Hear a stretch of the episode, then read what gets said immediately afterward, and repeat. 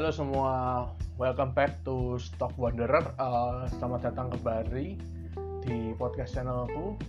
Uh, ya, sorry banget aku sudah lama nggak upload ataupun nggak nggak bikin konten. ya karena memang wah banyak banget uh, aku sedang ada beberapa hal yang aku handle juga. Uh, it's been it's been pretty busy uh, in a few weeks uh, karena ya ada beberapa urusan urusan pribadi dan urusan beberapa project lah yang sedang aku persiapkan juga. Uh, jadi aku nggak sempet mikir untuk upload even aku mikir konten pun belum ada kepikiran sama sekali. Cuman but here I am uh, mumpung ada waktu aku juga sempetin uh, untuk bikin konten karena memang ya apa banyak hal yang menarik akhir-akhir ini dalam beberapa bulan terakhir ini di seputar dunia keuangan di pasar saham juga ada beberapa hal yang menarik jujur aja. Nah hari ini aku mau bicara tentang ya hari-hari ini tuh salah satu isu yang cukup menarik adalah banyaknya influencer yang promosi tentang kripto ya. Uh, even beberapa influencer di dunia saham pun juga sudah beberapa uh, bukan hijrah tapi sudah mulai uh, punya apa ya semacam kok stock pick apa ya semacam coin pick istilahnya. Biasa kalau mereka buat rekomendasi atau apa sih ya, biasa ngomongin ngomong apa sih mereka? Stock pick kalau stock pick ya saham pilihan ya. Ini coin pick kali ya ya let's say coin pick. Uh, ada beberapa sih dan uh, yang cukup mengagetkan ini beberapa juga aku yang tahu beberapa influencer ini nggak pernah ada kaitannya di dunia keuangan. Before aku juga nggak pernah tahu mereka invest atau enggak uh, dan beberapa sih yang aku tahu ada beberapa yang aku tahu secara pribadi sih dia bahkan tidak pernah berkecimpung di dunia keuangan at all. Uh, kecuali memang anu yang menabung di bank atau something like that maksudnya uh, yang berkaitan kayak misalkan mereka uh, ada di obligasi atau di dunia saham itu nggak ada. Dia nggak ada sama sekali tiba-tiba dia posting kripto. Oh oke. Okay. ya. Memang memang channel ini uh, basicnya tentang saham tapi uh, di sini aku bukan jadi orang yang apa ya mendiskriminasi kripto no. Justru aku di sini mau cerita dari sisi netralnya sebuah uh, fenomena cryptocurrency ini sendiri ya. Nah basicnya hari ini sebenarnya aku ingin bahas tentang orang-orang tuh sering tanya tentang uh, yang juga terlintas di sosial media aku dan bahkan ada yang uh, private message di WA pribadiku ada yang tanya kok investasi kripto itu gimana sih oke okay. basically orang kalau menginvest itu sebenarnya cukup simpel ya dalam artian uh, mau investasi dari sisi apa pun bentuknya apa pun mau dari properti sampai sampai ke saham even hari ini kita ngomong di kripto prinsipnya itu jelas ada tiga, tiga, tiga komponen utama. Menurut aku ada tiga komponen utama. Yang satu adalah capital gain. Jelas ketika kita buy something, uh, we expect to sell it higher. Maksudnya meskipun kita bukan seorang trader aktif, tapi ketika kita berinvestasi something, kita berharap dari nilainya aja naik ya kan? Artinya di sini kita tidak cuma memikir ketika kita berpikir harga naik kita harus lihat dulu.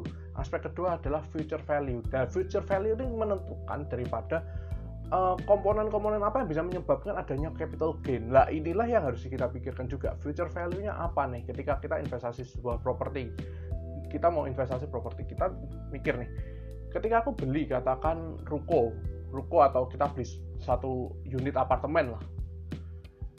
Kita mikir dong oh apartemen lokasinya ada di mana ya? Oh di sekitarnya ada fasilitas apa aja ya? Deket dengan public transport nggak ya? Deket dengan uh, supermarket nggak ya? Deket dengan sekolah nggak ya? Deket dengan apa nggak ya? Atau mungkin ada layanan-layanan tertentu nggak? Ada misalkan pick up point daripada uh, untuk ojek online atau mungkin juga uh, ada juga restoran-restoran yang ada atau mungkin uh, bahkan tidak sedikit ada yang berpikir oh di sana ada ada marketnya nggak ya? Atau tempat-tempat pasar modernnya atau semacam tempat untuk beli belanja bulanan nggak ya? Itu itu kan sesuatu yang uh, dipikirkan. Dan ketika orang lihat di situ ketika kita mikir kita mau beli apartemen kita lihat dan itu semua fasilitas itu ada kita jadi yakin oh one day ini ini tempat ini akan jadi uh, tempat yang maju nih karena di sini orang sudah dapat semuanya orang ada semua fasilitasnya. So that's why hari ini properti banyak yang uh, menyediakan uh, ada yang gabungan properti dengan mall ada juga properti dengan uh, mungkin ada kompleks uh, apa kompleks juga kompleks perumahan dan juga ada ada sekolahnya ada macam-macam dan bahkan apa istilahnya super block ya hari-hari ini. Mungkin ada beberapa yang pernah dengar istilah super block itu dia mencakup semuanya. Ada itu termasuk salah satu komponen indikator untuk future value yang nanti akan membantu capital gain. Berarti ketika ketika mungkin kita beli sekarang ketika mereka baru buka kita beli sekarang mungkin kita mikirnya oke okay, one day lima tahun lagi tempat ini sudah ramai semuanya sudah terisi dan orang jadi tertarik untuk tinggal di sini. Dan ketika ada demand yang tinggi artinya uh, offer yang ditawarkan juga bisa naik lebih tinggi lagi. Artinya kalau misalkan kita beli apartemen sekarang mungkin harga 500 juta, mungkin dalam waktu 5 atau 10 tahun mungkin sudah jadi 750 atau bahkan eh, 1 miliar, who knows, tidak ada yang tahu. Tapi kita yakin bahwa harganya akan naik. Nah, ini salah satu komponennya yaitu future value. Yang kedua, kita harus melihat ada aset underlyingnya. Nah, artinya apa? Kalau di dalam kasus ini kita harus melihat bahwa sebuah investasi harus ada nilai dasarannya karena kita tidak bisa menjadikan satu investasi hanya berdasarkan dari angka saja, tapi benar-benar harus ada aset penjaminnya. Nah, kembali lagi ke kripto. Kripto ini sendiri sebenarnya cukup menarik karena uh, kalau dibilang sebagai aset investasi, saya sih jujur berpikir uh, tidak semua. Karena begini, di kripto ini sendiri ada beberapa, ada banyak, seperti halnya di saham, ada banyak perusahaan banyak koin. Di kalau di saham di beberapa perusahaan kalau di kripto ada beberapa koin yang sama sekali tidak ada nilai dasarnya. Tidak ada nilai uh, sebenarnya tidak ada nilainya. Artinya murni hanya buatan dan itu mungkin beberapa mungkin iseng sifatnya iseng. Dan memang uh, beberapa pergerakan dari koin-koin ini sendiri cukup fantastis dalam beberapa minggu dan juga uh, tidak yang menarik juga tidak kalah menarik adalah kenaikannya dan yang menarik juga adalah ketika dia turun itu juga sangat menarik artinya uh, ini ini menjadi fenomena yang cukup cukup besar di uh, di dunia keuangan hari-hari ini. Nah, kembali lagi ketika ketika aspek ini tadi artinya uh, koin ini sendiri sorry kembali ke poin aset sorry poin ketiga tadi artinya koin ini harus ada semacam underlyingnya lah kembali lagi ada nggak koin yang bisa dikatakan mereka punya aset yang sebagai underlying? Ada. Saya ada, saya tahu ada beberapa.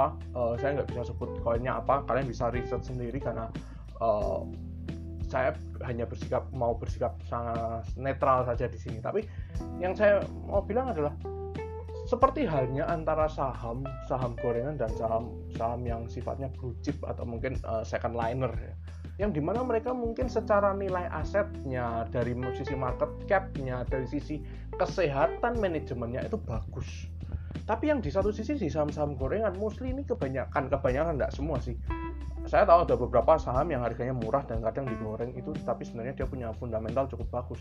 Cuman uh, saya nggak mau saya nggak mau bahas itu tapi saya mau lihat dari uh, kebanyakan beberapa saham gorengan ini memang uh, asetnya tidak jelas uh, perputarannya uangnya tidak jelas uh, manajemennya juga nggak jelas. Nah inilah yang sebenarnya saya mau bilang tidak ada bedanya. Sebenarnya mau mirip-mirip cuman yang membedakan mungkin memang dari sisi pergerakannya. Nah tapi kembali lagi kembali kepada kebijakan kita masing-masing. Bagaimana kita bisa mengatur uh, investasi kita sendiri? Karena uh, in the end of the day investasi ini sebenarnya kita mengharapkan ada return ada sesuatu yang bisa kita dapatkan ada sesuatu yang bisa kita tuai di suatu hari nanti. Jangan sampai ketika kita melakukan suatu kesalahan atau kita membuat sebuah, sebuah keputusan lah kita membuat sebuah keputusan kita tidak di drive hanya karena uh, antara fear dan greed tapi biarlah ada wisdom di dalamnya. Inilah yang orang sering lupa orang selalu terdorong untuk uh, untuk gridnya lebih gede ketika mereka melakukan doing melakukan sebuah investasi atau bahkan sebuah trading. Nah, tapi juga harus diimbangi dengan kehati-hatian. Makanya sebenarnya uh, kekuatan kekuatan juga dalam dalam hal uh, investasi di dunia keuangan itu sebenarnya bukan mastering the money itu tidak cuma itu tapi mastering yourself mastering your psychology mastering your fear and greed. Nah kalau kita aja tidak bisa melihat ini kita nggak bisa menjadikan ini sebuah perjalanan menjadikan sebuah ini menjadi sebuah journey menjadikan ini sebuah sebuah petualangan yang di mana kita juga antara harus mengambil resiko dan juga kita harus melakukan perhitungan then you will know uh, kalian nggak akan bisa sukses di dunia keuangan. Mending uang itu kalian simpan aja di bank taruh di uh, taruh di dalam bank kalian puterin mau jadi bisnis apa atau mau mau didiemin aja terserah. Daripada kalian kehilangan karena eh, nggak uh, bisa mengendalikan diri. See you guys in the next episode